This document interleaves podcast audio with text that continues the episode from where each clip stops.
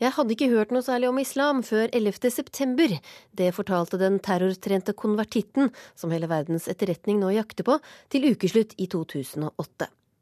Innvandrerbarn er for dårlige til å svømme. Når du må velge mellom mat og svømmetimer, er valget klart, sier venstrepolitiker Abid Raja, som etterlyser bedre svømmeopplæring i skolen. Og hva har Justin Bieber og Guds partikkel til felles? Jo, jentene blir rørt til tårer bare de viser seg. Jeg heter Linn Beate Gabrielsen, og du hører på en podkast av NRK Ukeslutt, hvor vi også har sjekketips til Eskil Pedersen. Bare ha sex med en gang. Altså, bare å ligge på. Innvandrerbarn i Norge er for dårlige til å svømme. Det sier venstrepolitiker Abid Raja, som mener at eh, tilbudet barna får i skolen ikke er godt nok. Han har valgt å sende sine barn til private svømmetimer, etter at han nesten drukna selv da han fikk panikk i sitt første møte med Det norske hav, og det i godt voksen alder. Ukeslutts reporter Anette Ramstad fulgte med familien Raja på svømmekurs.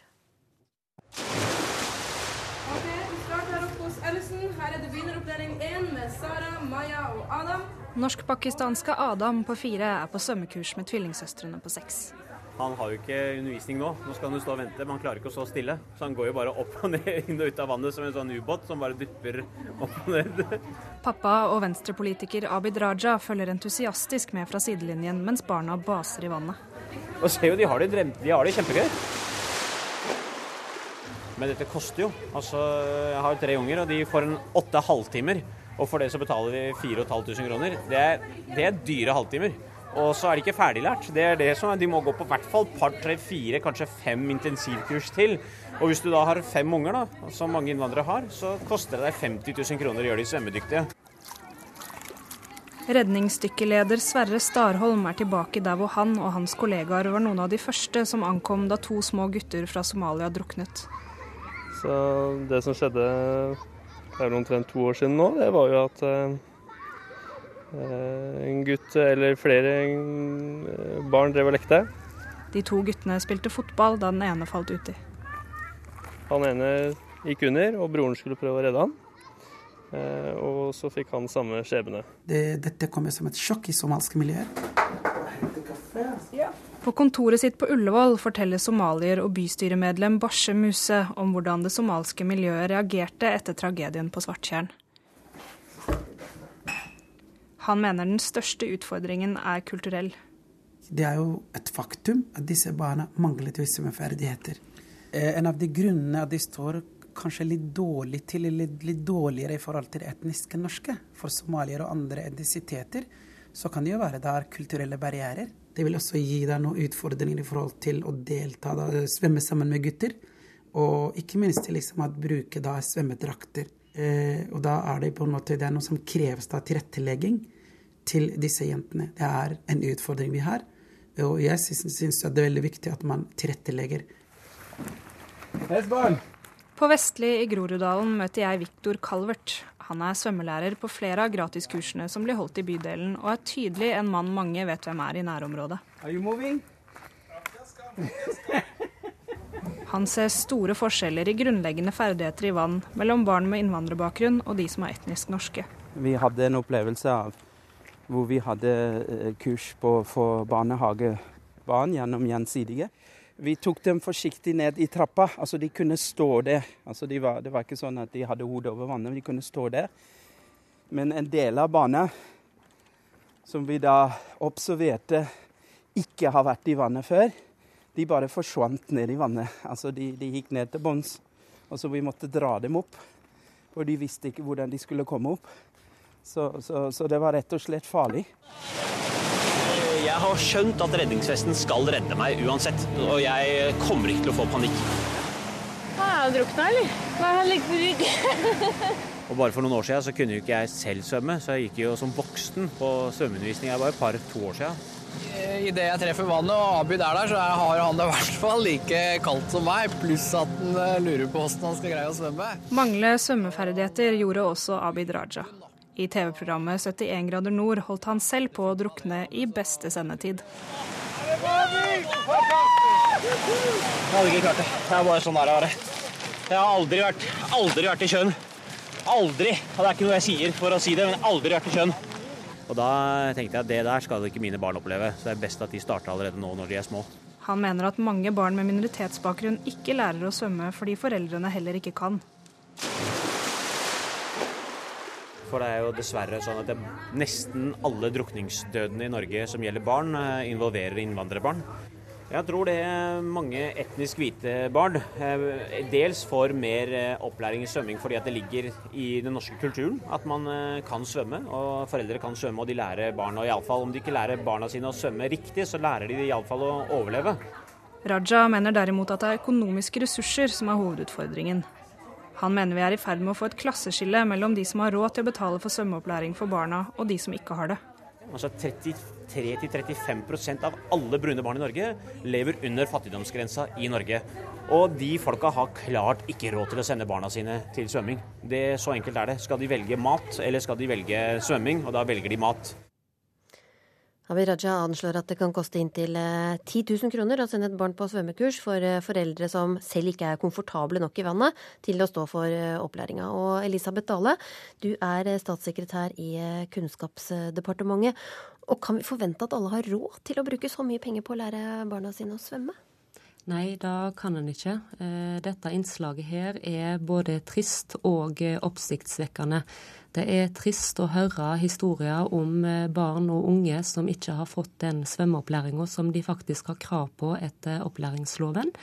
Og så er det veldig oppsiktsvekkende at eh, Abid Raja fra Venstre eh, utfordrer vel egentlig nasjonale skolemyndigheter for at dette skjer. Når han sjøl tilhører et parti som har ansvar for dette i Oslo kommune, der det er Oslo kommune som skoleeier som skal legge til rette for den svømmeopplæringa som da tydeligvis hans ikke unger har fått. Mm, Abid Raja er jo ikke her, men eh, hva vil dere gjøre for å følge opp denne gruppen barn? Det som er viktig, det er at de som eier skolene og har ansvar for å gjennomføre opplæringa i skolen, det er da kommunene, og i godt samarbeid med rektorene og lærerne, selvsagt. De må se på kravene i læreplanen. Der er det ambisiøse mål. Allerede fra fjerde klasse så skal elevene være svømmedyktige. Da må de eh, gi den opplæringa og organisere opplæringa på en sånn måte at de, da målet blir fulgt opp. Så er det viktig at vi fra nasjonalt hold gir eh, kommunene, gjør kommunene og skolene i stand til å gi god opplæring. Da gir vi, gir vi gjennom eh, rammeoverføringer til kommunene. Og I tillegg så har vi òg gitt en rentekompensasjonsordning som skal gjøre kommunene bedre i stand til å ruste opp svømmeanleggene. Mm. Heldigvis så ser vi en positiv utvikling på hvordan svømmeanleggene nå eh, er i stand i forhold til for få år siden. Men det er langt igjen, og her må eh, kommunene virkelig ta seg på tak fordi at de har et stort ansvar for at elevene får den svømmeopplæringa som de har krav på. Per Rune Eknes, president i Svømmeforbundet. Er norske barn svømmedyktige etter første klasse, slik opplæringsloven krever? Ja, Nå er det i fjerde klasse, det, det er ifølge Kunnskapsløftet og opplæringsloven. Men eh, nei, de er ikke det. Halvparten av norske barn kan ikke svømme. Det har vi bevist to ganger på de siste ti åra. 2003-2009 så hadde vi undersøkelser som viste nettopp dette. Og Der vi utgjør jo faktisk 30 000 barn i året som ikke kan eh, svømme. Og vi hørte jo nettopp på nyheten at eh, de som nå skal inn på befalsutdanningen, der er det veldig dårlige svømmeferdigheter der òg. Så dette gjelder jo våre nye landsmenn spesielt, men det gjelder også norske barn generelt. Og svømming er ikke bare en drukningsforebyggende ting, det er faktisk en rettighet som alle barn har til å kunne få lært seg. Og jeg syns det blir litt ansvarsfraskrivelse når man bare skal legge skylda på kommunene. Jeg syns at her må faktisk myndighetene trå mer til enn det de har gjort fram til nå. Og det er et stort paradoks at eh, det er et eh, rød-grønt fellesskap som klarer å lage et slikt klasseskille som vi er i ferd med å få når det gjelder svømmeopplæring her i landet. -hmm. Dale, hvorfor, hvorfor setter ikke strengere krav til kommunen f.eks. i antall timer som de er nødt til å ha svømmeundervisning i? Det er sånn som vi har eh, gjort det i alle fag. Det er at eh, sentrale skolemyndigheter utformer læreplanene og kompetansemålene i læreplanen. Og så har vi en fag- og timefordeling.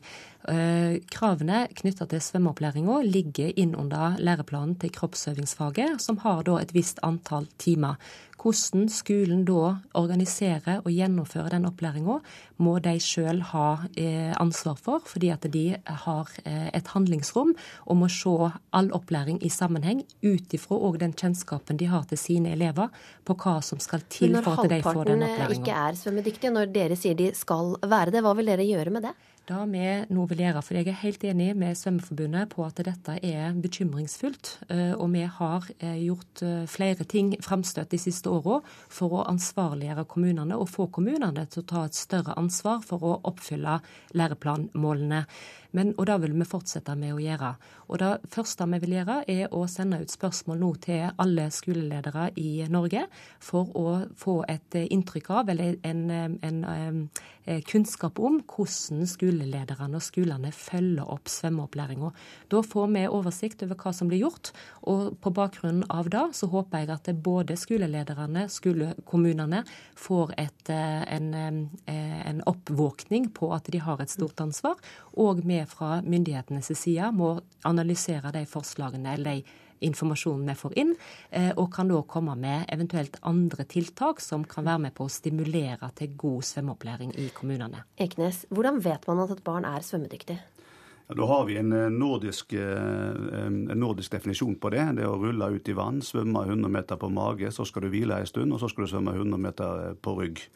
Ehm, det er en kort, kort versjon ut av det. Og dette er også en, en Det er litt fantastisk at, hun, at Elisabeth Dale nå nok en gang ønsker å ha, å ha en høringprosess på dette. Dette har vært gjort mange mange, mange ganger før ute i norske kommuner. Det er så seint som 2007-2008 så gjorde Utdanningsdirektoratet det samme. Sendte ut en, en, høring til alle skoleledere på hva de mente var svømmedyktighet. I etterkant av det så ble sendt ut et rundskriv der denne definisjonen som jeg nå nettopp har, har sikta til, ble tatt inn som en et, et god, et, altså, som, som, et, ønske om at alle skoleledere skulle ta inn over seg. Men departementet sa veldig klart ifra at de stilte det ikke som krav. Det burde de gjøre. Da hadde de sluppet denne runden gang etter gang etter gang som vi har på dette, dette spørsmålet. Du får svare kort til slutt. Hvorfor har dere ikke stilt disse kravene? Vi stiller krav med å ha ambisiøse kompetansemål i læreplanen. Skoleeiere de skal være svømmedyktige. De skal ha uh, ferdigheter innen ulike teknikker i svømmedyktighet. Og de skal ha, kjenne til en del livredningsteknikker. Dette er krav, høye mål, som vi stiller til alle elever. Og kommunene Skolene må følge opp. Vi stiller opp med ressurser, og kommunene må eh, prioritere det i sine kommunale budsjettprioriteringer. Takk for at dere kom til eh, ukeslutt, eh, statssekretær Elisabeth Dale og president i Svømmeforbundet Per Rune Eknes. Dette var eh, uka da vi alle ble interessert i partikkelfysikk. Tårene rant av lykke hos Higgs-jegere verden over etter en eh, pressekonferanse hvor det ble slått fast at den over 50 år lange jakta på Higgs-boson nå var kronet med hell. Praktikant ved CMS-eksperimentet ved CERN i Sveits, Thea Orrestad, kunne fortelle om Justin Bieber-tilstander. Tror jeg så den første personen legge seg i kø utenfor hovedauditoriet klokken syv i går kveld. I går så sto vi jo i eh, seks timer. I seks timer for å vet du. Bare for å se han eh, der oppe. Og innen fire i natt, da, da, var kvoten nådd for hvor mange de hadde plass til der inne. Man hadde gledet seg så mye, og når man fikk telefonen i går, det var liksom helt sykt, og så skjer det ikke allikevel. Og... Du jubler? Ja, jeg, og gråter? Ja, dette er jo helt utrolig ferd med å dra av emballasjen på en champagne. Ja. Det er egentlig det er helt ubeskrivelig. Jeg er bare så glad. Så viser han resultatene, og de er, eh, det er noe av det vakreste jeg har sett. Ja.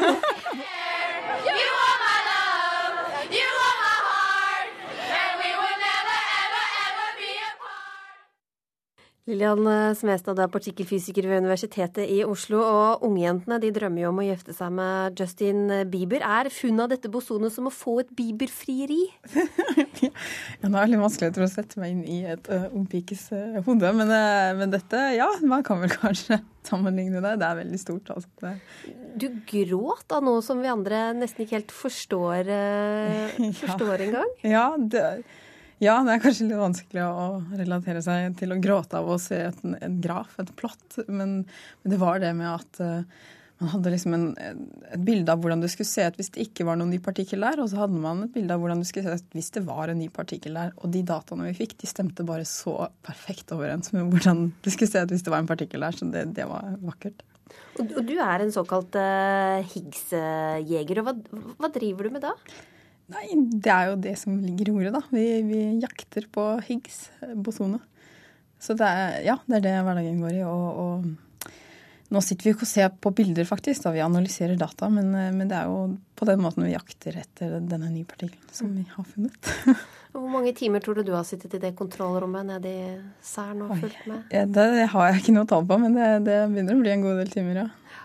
Men er jakten nå over? Ja, jakten på akkurat denne partikkelen kan man si på en måte er litt over. Eh, nå begynner jo det som er kanskje noe mer spennende, å måle denne partikkelen og finne ut om hvordan den egentlig oppfører seg. Om den oppfører seg sånn som vi ville forvente av akkurat den partikkelen vi tror det er. Og så er det jo mange andre partikler å jakte på. kanskje den har noen brødre og søstre. Katarina Paihel, eh, du er også partikkelfysiker ved Universitetet i eh, Oslo. og Hva kan dette bosonet sammenlignes med, sånn at vi som ikke har studert fysikk, kan forstå det? Altså, dette bosonet er egentlig en litt sånn spin-off-effekt av en uh, veldig fundamental del av det som vi kaller standardmodellen for partikkelfysikk. Og det er den delen av teorien som sørger for at alle partikler får masse. Og det er denne såkalte Higgs-mekanismen. Og man kan liksom veldig sånn uh, allegorisk kanskje beskrive det med et sirupsfelt. Og er det en liten partikkel, så kan man tenke seg at man løper lett gjennom det, og så kleber det ikke så veldig mye. Er man en eh, tung, eh, klumsete partikkel, så blir man ganske klissete og tung. Eh, og, og, da blir på en måte Higgs-partikken kan man se for seg som en boble i dette feltet, som gir oss et hint om at det feltet faktisk finnes. Mm. Men det sies at dette her har vært holdt hemmelig en stund allerede. Hvorfor det? Altså selve funnet, eller ja. resultatene. Ja, og det har å gjøre med vår eh, arbeidsmetode. Så disse, disse resultatene kommer jo ikke på én dag, men dette er blitt samlet opp. Eh, først 2011 og nå 2012. Og så har det samlet seg opp. Men vi har holdt det hemmelig eh, innad i kollaborasjonen og kryssjekket til det kjedsommelige både for å ikke påvirke CMS, slik at vi kunne få denne kryssjekken, og for det andre for å bevare vår integritet og presentere noe alle kan gå god for. Og Dermed så har man vært djevelens advokat til det. Eh, ja, eh, har, Folk har drevet hverandre til vanvidd, men når vi først presenterer, så Men uh, Lillian Smestad, overrasket det deg at interessen var så stor for dette som dere jo har drevet med i mange år? Ja, ikke sant. Altså, Som partikkelfysiker så er man ikke vant til at uh, mannen i gata bryr seg så veldig mye om det. Så jeg fikk litt bakgårdsveis, jeg må innrømme det. Altså, for oss er det jo selvfølgelig historisk, men jeg syns det var veldig morsomt at, eh, at, dette var noe som trigget ja, Hva pleier folk vanligvis å si når de, du forteller hva du driver med? Ja, Nei, det, de, litt, de blir litt tomme i blikket, da, og, og så kanskje blir litt redde. Tør ikke, tør ikke spørre så veldig mye. og en gang så var det noen som hørte meg litt feil da, og trodde jeg sa at jeg studerte musikk. Og da ble 'Å ja, men det er kjempespennende'. Altså. Nei, det er fysikk. Å, å, ja, OK.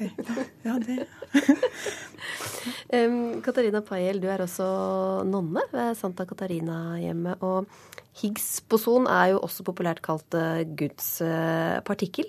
Har det noe med Gud å gjøre? Nei, eh, det har nok ikke det. og, det har, og navnets, dette her kjælenavnets opprinnelse er jo en eh, tittel på en bok som Leo Ledermann eh, ville, ville publisere. da, og Meningen var jo å kalle den 'The Goddamn Particle'. for Mannen var oppriktig lei, og det er ganske mange år siden allerede. Men eh, forleggeren satte ned foten. Men eh, Ledermann er jo kjent for en for humoristisk sans, så han ga seg ikke på det. Eh, mange, mange, ateister mener jo at uh, naturvitenskapen er det beste bevis for at Gud ikke, ikke finnes. Føler du at du jobber mot din egen tro når du er med på å forske på hvordan verden ble til ifølge fysikken? Nei, på ingen måte. Altså her, eh, det, Nøkkelen til, for min del er å se at eh, det dreier seg om veldig veldig forskjellige spørsmål. Fundamentalt om et hvordan- og et hvorfor-spørsmål. Og eh, så på, på, mange måter så ser jeg ikke noen motsetning, men heller en komplementaritet mellom disse to på en måte søkende etter forståelse. Så det er ikke noen motsetning mellom uh, skapelsesberetningen og dette gjennombruddet i Nei, det, det, tror jeg ikke, for man må virkelig se på hva er det naturvitenskapen er i stand til å eh, forklare. Og dermed verken beviser eller motbeviser. Det, jeg tror vi må bevare denne berettigede agnostisismen i, i faget. Mm. Dere har jo blitt intervjuet i opp og ned i medier eh, de siste dagene. Vil fysikerkarrieren fysikerkarrieren skyte nå fart? Ja, Det håper vi. Altså, Dette er jo en fantastisk eh, tid å hoppe inn i faget på. Det er på ingen måte over. Dette er bare starten på kanskje et nytt eventyr. Og LHC vil jo jobbe i mange, mange år fremover. Ja, så vi håper jo at vi har fått uh, vist litt av den gløden og hvor kult hvis det ikke kan være, da, så vi får rekruttere uh, nye krefter. For det, det, det trengs. Tusen takk, Lillian Smestad og Katarina Paihell. En tweet har eh, skapt mye oppstyr eh, denne uka. Så drømmer mannen da jeg gikk i homoparaden nå. Ganske klisjé å finne type der, men, men, ta kontakt, skrev AUF-leder Eskil Pedersen på det sosiale mediet Twitter. Maskulint flåseri, kalte retoriker Kjell Terje Ringdal det i et eh, innlegg i Aftenposten.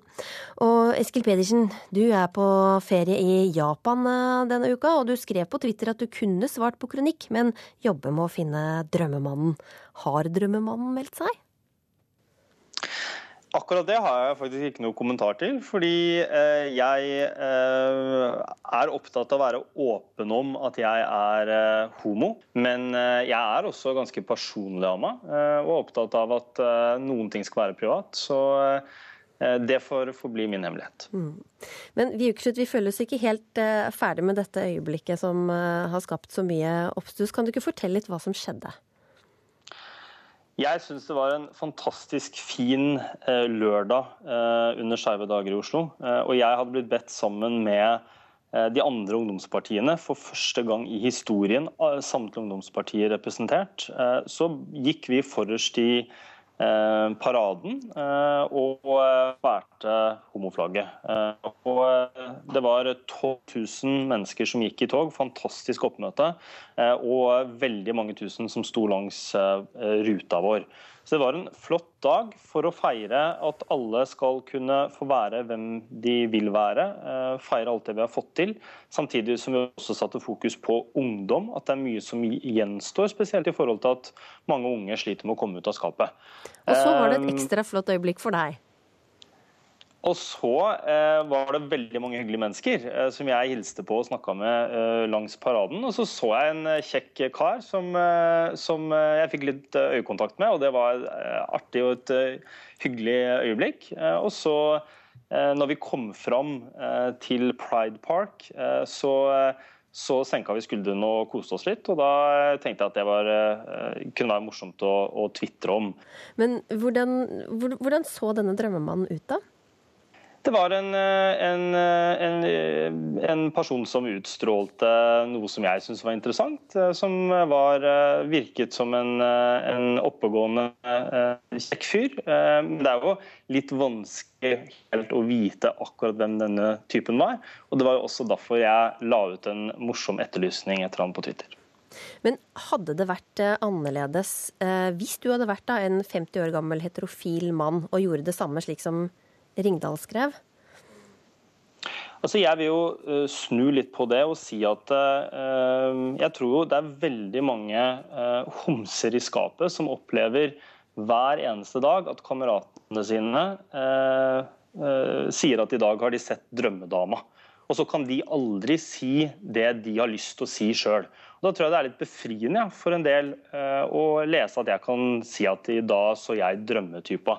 Eh, og eh, Derfor så, derfor så eh, vil jeg snu på det spørsmålet. Få hadde reagert negativt hvis Torbjørn Røe Isaksen fra Høyre for eksempel, skrev at i dag var jeg på konsert og så en drømmedame. Ta kontakt. Hvorfor tror du det har blitt så mye styr? For det har jo blitt litt styr i etterkant av den kronikken? Først og fremst så syns jeg dette er en litt kuriositet.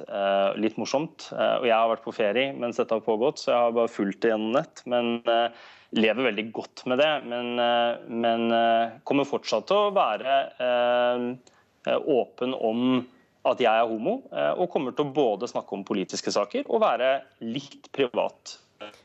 Du er jo også drømmemannen for sikkert både mange kvinner og menn rundt omkring i dette landet. Er det vanskelig å sjekke når man er en profilert person? Jeg er nok ikke så veldig god på akkurat det. Eh, men, eh, men eh, jeg er mest opptatt av egentlig å, å ha det hyggelig når jeg f.eks. er ute på byen og være med venner. Og så får, får, det være på en måte min hemmelighet hva jeg gjør og ikke gjør når jeg, når jeg prøver å sjekke opp andre. Da ønsker vi en fortsatt god jakt på drømmemannen Eskil Pedersen, og så sender vi med noen sjekketips på veien. Hei, Eskil. Dette er eh, Live Nelvik fra NRK P3 og dama til. Og nå skal du få et, eh, et, ganske bra tips av meg. Eh, jeg har aldri prøvd dette selv, men bare ha sex med en gang. Det er bare å, altså, det er bare å ligge på. Ja, det er Rudberg, og ja, gode sjekketips. Det, det er vel alle, alle tror at jeg har det, men jeg har vel egentlig ikke det. For jeg pleier som regel å ikke tørre å sjekke. Men det er vel bare å få prøve, å gjøre seg interessant nok til å bli sjekka opp. Jeg noe annet råd, Hei, Eskil Pedersen. Her er Per Sundnes. Og mitt beste sjekketips er vel at jeg har ikke noe sjekketips til deg. For at du har jo laga skole i hvordan man skal gjøre det når man er kåt en sommerdag. Da skal man twitre en melding, og så skal man få en mørkemann til å lage et debattinnlegg, og så har du det gående. Så eh, jeg regner med at du ikke har noen problemer med sjekking denne sommeren. For du har vel laga den største kontaktannonsen noen mann har sett i sitt liv. Du hører på en podkast av NRK Ukeslutt. Vi prøvde i flere år å varsle politiet, men ingenting ble gjort, sier far som mistet sønnen da nabobikkjene gikk til angrep. Narkomane er blitt bortvist fra Plata i Oslo 11 000 ganger det siste året. Jeg var 14 år da jeg begynte å vanke her nede. Jeg har blitt 40 år jeg har blitt jagd opp og ned i Oslos gater. Politiet møter Foreningen for human narkotikapolitikk her i ukeslutt. Og flåtten biter fra seg på avisforsidene, mens forskerne river seg i håret. Der, eh, uansett hva jeg har sagt, så blir det alarm, ekstra farlig, dødsflott, morderflott. Hele verdens eh, etterretning jakter nå på den eh, terrortrente norske konvertitten.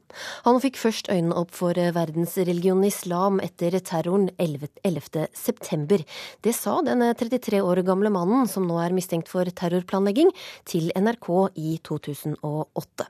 Og da hadde mannen nettopp konvertert til islam, og var tydelig på at vold ikke hadde noe med islam å gjøre.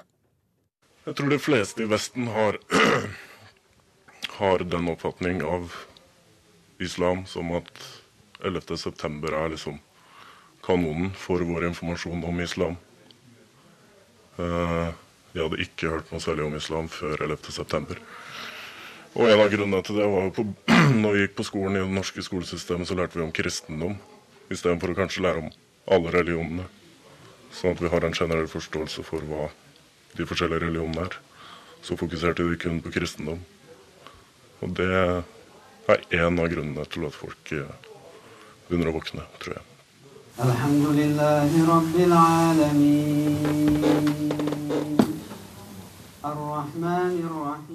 Med ansiktene vendt ned mot gulvet ber menn i en moské i Oslo. Utenfor vinduene er det vinter. NRK er på besøk en dag i 2008. En av mennene som ber, er etnisk norsk og har nettopp konvertert til islam. Det er fire år før han vil bli jaktet på av etterretningstjenester over hele verden, mistenkt for å ha planlagt terror med Al Qaida. Hva skjedde med denne mannen etter den vinterdagen i 2008? I et intervju med NRK Ukeslutt fortalte han mer om hva som gjorde at han vendte seg mot islam. Det var en gang i livet hvor alt egentlig bare stoppet opp. Hvor jeg begynte å lure på hva i alle dager eh, skal man bruke livet til? Er det kun materielle goder som er hensikten med livet? Og så begynte jeg å søke i, i form av bøker som videre gikk over på filosofi. Og leste veldig mye filosofi.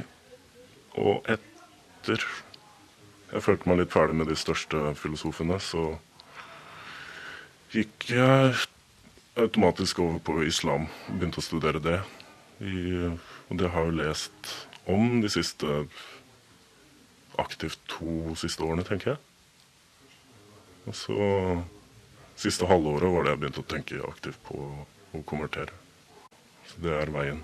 PST har jo også vært ute og vært bekymra for at uh, norske muslimer skal bli verva til sånne ekstremistiske grupper. Hva, hva, tenker du når du ser sånne uttalelser i media? Jeg syns det bare er uh, et ledd i rekken av uh, propaganda mot Tyskland. Jeg har aldri møtt noen muslimer som de har portrettert i media på den måten. Det har, det har noe med hvis det fins voldelige muslimer, så er de voldelige. Ferdig med det. Det har ikke noe med islam å gjøre. Det er voldelige, men voldelige mennesker. Og hvis, hvis en nordmann begår et mord, så sier man ikke eh, en fundamentalistisk protestant begikk et mord, f.eks. Så hvorfor, eh, hvorfor gjør de det mot islam? Reportere var eh, Haldor Asvald og Eva Marie Strand. Det siste året har 200 eh, narkomane blitt eh, bortvist på, fra Plata ukentlig utenfor eh, Oslo sentralstasjon som en del av sentrumsprosjektet. Ukeslutts reporter Jelena Cabo har møtt en som ser på Plata mer som et hjem enn noe annet. Her er det Plata her. Ja. Nå holder vi jo på å bygge her da, og prøve å få dette bygd i filler, så i det blir noe Plata grønn plen. Selvfølgelig. Vi er jo narkomane, så det vil jo alltid være sånn at det foregår noe blant oss. Men eh, om jeg hadde stått her på, på, på, Plata eller om jeg hadde stått hvor som helst ellers, så hadde det samme skjedd. Hvor er det du har blitt eh, jaget? Alle fotstepp du kan ta her, har jeg stått på og blitt jaget fra. Sikkert eh, 500 plasser, 1000 plasser. 1000 ganger har jeg blitt jaget. Det er jo typisk når, er, når, jeg har gått der nede i 40 år, så, så, blir det jo mer hjemme her enn det det gjør der jeg bor. Der er jeg ikke noe særlig. Jeg er jo mer her nede og er hvor eh, jeg går fra klokka ni om morgenen til ni om kvelden og jobber og møter venner og spiser. og blir Jeg føler meg faktisk talt at dette er på en måte hjemmet mitt, eller her jeg, jeg har noe å gjøre. En tilhørighet. Kåre Stølen, du er eh, stasjonssjef ved Grønland eh, politistasjon. Hva tenker du om hvordan eh, Knut Jansen, som vi har hørt i innslaget her, føler seg jaget fra det han ser på som sitt hjem? Nå er det ingen som blir jaget i dette området. Vi har bortvist 11 000 i det året vi har holdt på med. Og dette er en langsiktig og helhetlig plan. Og vi har notert tid og sted og hvem, hva de har gjort når de blir bortvist i dette området. Har de personene her de har gjort en straffbar handling som eh, er grunn for det. Og Vi har da tatt en mal fra fem storbyer i Europa. Blant annet så har vi hver 14. dag møte med frivillige organisasjoner.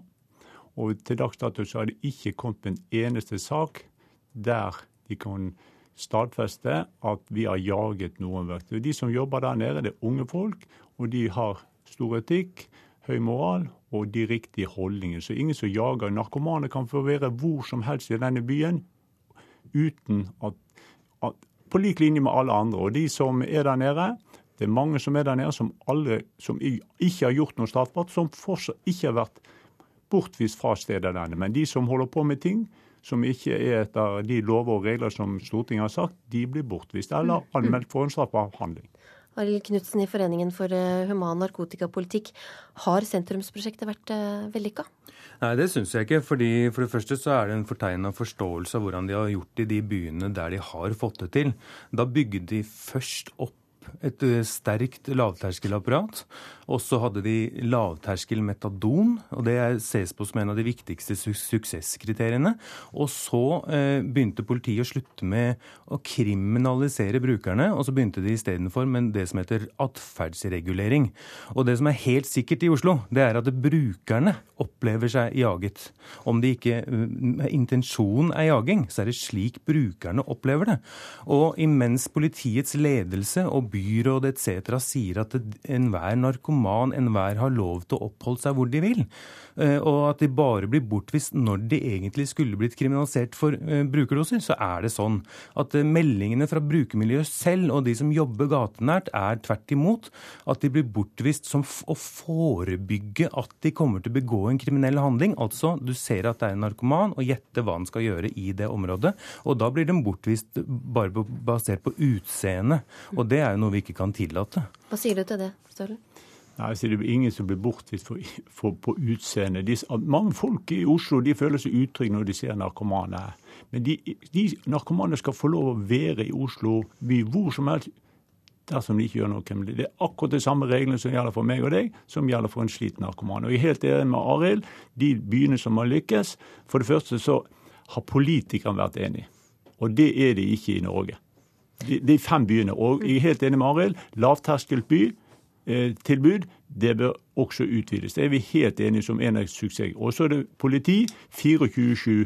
Det er viktig der nede for at alle skal føle seg trygge. Hva føler dere at dere har oppnådd etter 11 000 bortvisninger? Nå, eh, nå har jo uteseksjonen i Oslo, Oslo kommune, de har hatt tellinger før og gjennom hele og nå. da. Og de, de tellingene som viser nå, det er markant nedgang av slitne narkomane i Oslo sentrum. For det er ingen slitne narkomane som bor der nede. De bor i de 15 bydelene. Og halvparten av de som vi bortviser, anmelder der nede, de har ikke bopel i Oslo by. De bor utenom, i nærkommune og resten av landet. Knutsen, hvilken effekt har disse bortvisningene på rusmiljøet?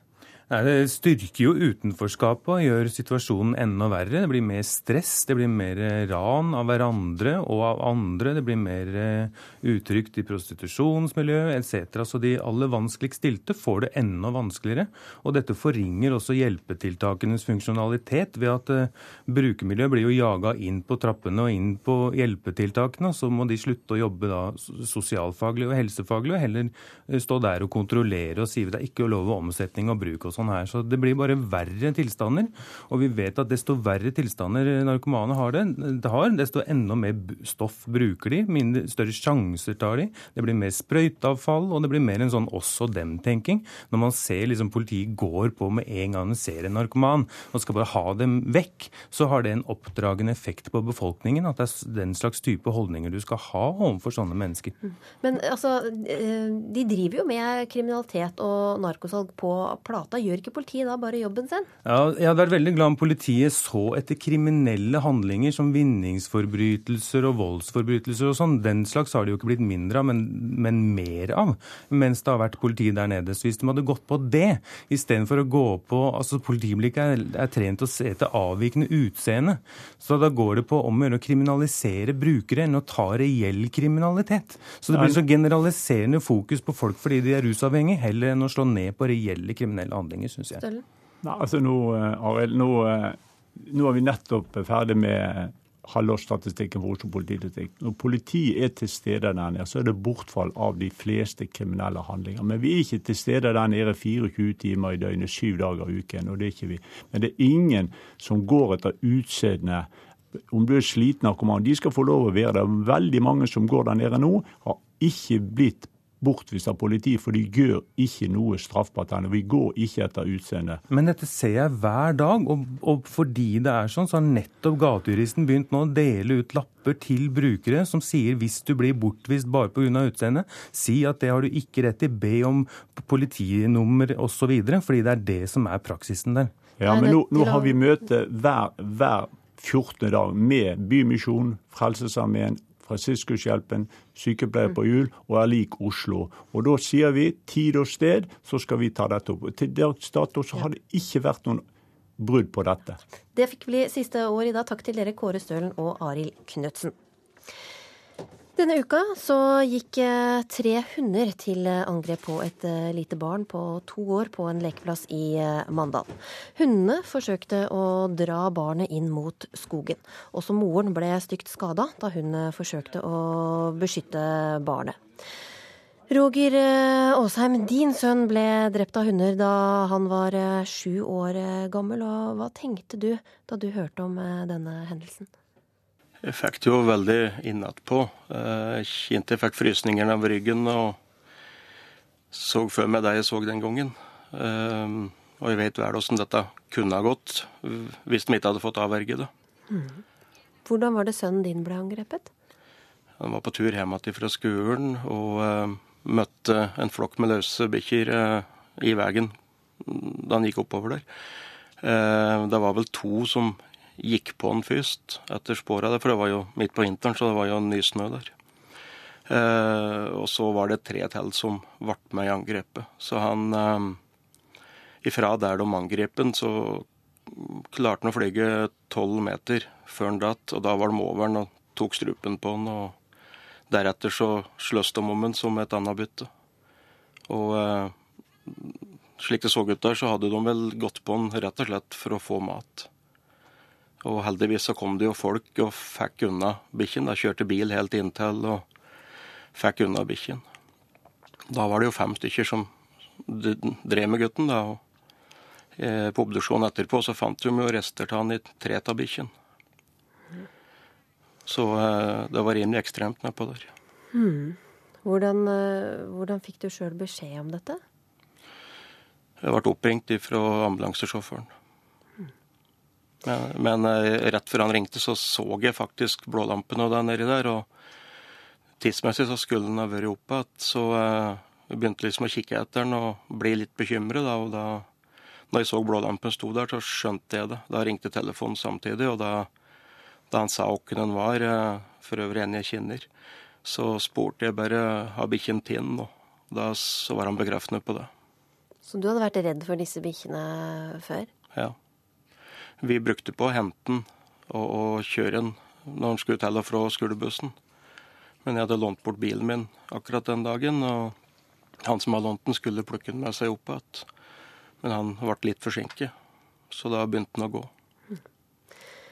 Gry Løberg, du er eh, etolog. Det betyr at du har eh, studert atferd hos eh, dyr. Hvorfor går noen hunder til angrep på mennesker? Det kan være veldig mange forskjellige årsaker til det. Men noe av det vanligste som jeg kan gjette i denne type situasjoner, er vel at de har liten erfaring med barn, og ikke ser at barn også er mennesker, så de ser på det som et bytte. Så det er manglende sosialisering, rett og slett. Veldig mange legger ansvaret på, på, eieren når en hund går til angrep. Hva tenker du om det? Altså, eieren har jo ansvaret for hvordan han holder og har dyr. Sånn at eh, hvis, hvis, en, hvis et problem har oppstått, så er det eieren som har ansvar for, at, for ikke sette hunden i en situasjon hvor det kan skje noe. Det å holde hunden i bånd eller innelåst eller et eller annet, det er eierens ansvar. Men at problemet oppstår, det kan kan være mange årsaker bak. Vi har arvelige faktorer, vi har manglende sosialisering fra oppdretters side, vi har helsemessige saker. Så det er mange sider av det med hvorfor hunder blir sånn. Men det er jo eieren som har ansvaret for at hun ikke skal gjøre sånne ting. Men er det bare noen raser som kan eh, gå til angrep på mennesker, eller kan også dachsen eller golden retrieveren eh, bite mennesker? Alle kan det. Så, men selvfølgelig, en større hund kan gjøre større skade enn en liten hund. Roger Aasheim, du har også jobbet hardt for å få til eh, forbudet mot visse hunderaser, bl.a. Amstaff. Burde flere hunderaser forbys her i landet, syns du? Uh, jeg er ikke sikker på om raseforbudet er det riktige å gå på. For det, uh, det rammer jo de seriøse i størst grad. Og så rammer det jo sjølsagt de som jeg kaller negative hundeeiere. Men det som skjer, er at de da bare skaffer seg andre raser, lignende raser. For skal vi begynne å forby flere raser, da kan det fort bli veldig mange. Skal vi oppnå noe med det. Gry Løberg, eh, politiet sa at de, har, eh, de, hadde fått inn meldinger på disse hundene som angrep, selv om eh, de ikke hadde gått til angrep før. Hva vil du råde folk til å gjøre hvis, hvis de har noen hunder i nabolaget som er skremmende? De burde først ha kontakt med eieren av hundene og, og be de ta hensyn. Eh, hvis det er hunder som går løs og skremmer folk, om de kan holde dem i bånd. Og hvis det er f.eks. så kan det jo være hunder som løper bak et hagegjerde og som skremmer forbipasserende. At de da kanskje har hunden i bakhagen, eller kanskje ikke har de ute på den måten. Eh, og, og, hvis det ikke hjelper og hundeholdet oppleves som skremmende, så må man kanskje ta det videre til politiet. Men hvor bør terskelen ligge da, for nettopp å gå til politiet? Det er vanskelig å si, for det blir veldig sånn subjektive opplevelser av hva som er skummelt. Roger Aasheim, hva tenker du? Skulle du ønske du hadde gjort noe i forhold til disse hundene som angrep eh, sønnen din? Ja, Det var faktisk så ille med løse bikkjer der, spesielt den siste vinteren, men faktisk gjennom flere år, at jeg var inne på tanken om flere forskjellige ting, rett og slett for å bli kvitt problemet der. Men hvis jeg f.eks. hadde avlivet de bikkjene på egen hånd, eller et eller annet slik, så hadde jo vært jeg som hadde blitt straffet. Og ingen hadde visst hva vi hadde avverget med det. Men vi, visst, vi, vet jo nå i etterkant at vi burde ha gjort noe. Vi prøvde jo flere år å både levere anmeldelse og, og varsle politi, men det skjedde jo ingenting, så vi slutter jo med det. De siste åra så var det jo ingen som gjorde det. Hva tenker du bør gjøres da i forhold til dette problemet? Altså, Vi vet jo at det er ressursmangel hos politiet, og det er vel der det ligger, at det er nedprioritert. Eh, det er klart at det i enkelte tilfeller så, så, bør det være bedre samarbeid med politi, Mattilsynet, skråstrek dyrevernet, eventuelt helsevesenet. At du får tydeligere varslingsplikt. Og om det ikke er vannskjøtsel inne i bildet av dyra, så kan det være et negativt hundehold likevel. Spesielt der det blir mange. For det, det er jo viktig å få sosialisert og prege dem på folk. Og til flere du har, til verre er det, for de lager sin egen flokk. Eh, egen rangordning, og, og eh, blir på en måte mer lik ulven da, når de opererer i flokk. Mm. Og så er det måten du fôrer på, måten du har dem på. Eh, hundeholdet der som en Johannes, eller som gjorde at en Johannes ble drept der ble jo bikkjen fôret i flokker, fire-fem sammen. De levde jo stort sett på bein og kjøttavskjær som jeg fikk fra en slakter. Mm. Og det er klart at når de er vant med å få kjøtt og sløss om det, som en annen flokk, når de da var løse når han kom, så så de jo på han som en kjøttbit. Men sjølsagt, det er jo òg raseavhengig. Det er, alle bikkjer kan være potensielle skadevoldere, men sjølsagt noen raser er verre enn andre. Tusen takk, Roger Aasheim og Gry Løberg. Også i sommer har det vært mye fokus på den lille blodsugeren Flåtten, mens eh, Dagbladet siden april har advart oss mot Flåtten omtrent en gang i uka på forsida, så fortviler forskerne over alarmene og varseltrekantene. Ukesluttsreporter Eivind Våge har møtt flåttekspertisen på Dagbladdesken og Folkehelseinstituttet. Ok, nå er vi altså enige om at jeg ikke har slått alarm, men jeg frykter likevel at uh, forsiden blir noe sånn som uh, 'Forskere slår alarm, nå er flåtten ekstra farlig'. Rundt et lite bord i kjelleren på Folkehelseinstituttet sitter en oppgitt ekspert på skadedyr. Og så sier hun ha-ha, ja ja, vi får håpe at det ikke blir så ille. Og så kommer dagen etter avisen. Forskere slår alarm, nå er flåtten ekstra farlig, med krigstyper på førstesiden. På bordet foran oss ligger tre forskjellige forsider fra Dagbladet. Ehm, her har vi to av disse, men det er, det er jo også sånn veggdyr, ikke sant? Alarm.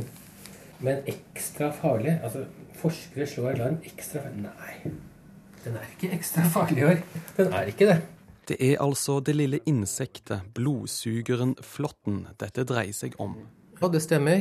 Ehm, jeg heter Preben Ottesen og er avdelingsdirektør på Folkehelseinstituttet, avdeling skadedyrkontroll, og vi forsker bl.a. på flåtten.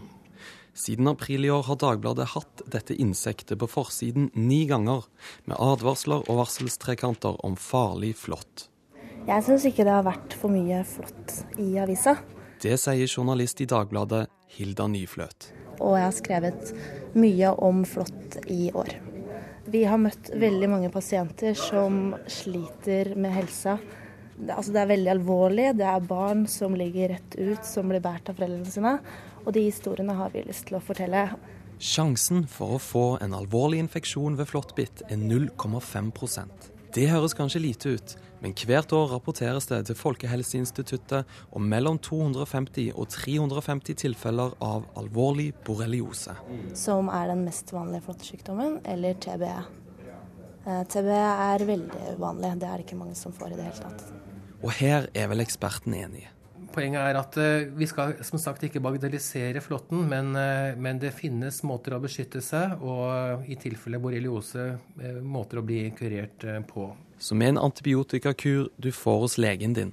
Men Jeg syns at disse artiklene slett ikke er så ille når du leser dem inn i bladet. Hva er det så som skjer? Jo, eh, journalisten leverer dette til den såkalte desken. Eh, det er de som utformer avisen, og som eh, skaper overskrifter og ikke minst forsiden. Og der skjer det. Det er der det skjer. Der, uansett hva jeg har sagt, så blir det alarm, ekstra farlig, dødsflott, morderflott. At en tabloidavis slår opp litt stort, det synes Dagbladet-journalisten er, er helt, ok. Til tross for at eksperten sier at vær så snill, ikke slå alarm denne gangen òg. Vi er ikke et eh, talerør for Folkehelseinstituttet. Selvfølgelig, vi intervjuer dem. Vi er jo kritiske til alle kilder, sånn som alle journalister er. Eh, Og det er ikke de som bestemmer hva som skal på forsida.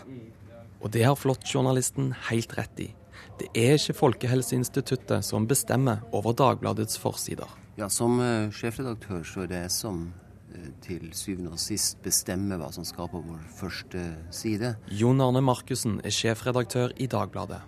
Det vil jo si Vi har jo et fullmaktsnivå av mellomledere, men det som kommer på førstesida, det er naturligvis mitt ansvar.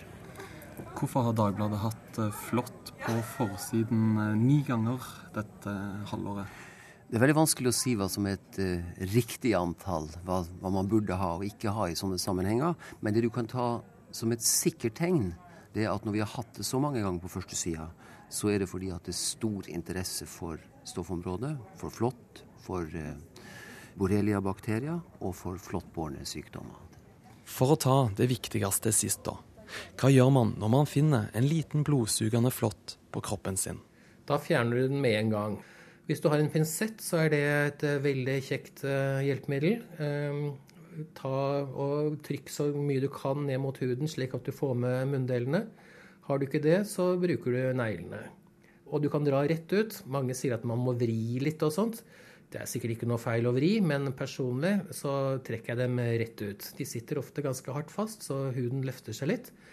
Men eh, det gjør ikke noe vondt, og det er greit å få dem ut. Du har hørt en podkast av Ukeslutt. Ansvarlig for sendinga Magnus Bratten. Teknisk ansvarlig Finn Lie, og i studio Linn Beate Gabrielsen.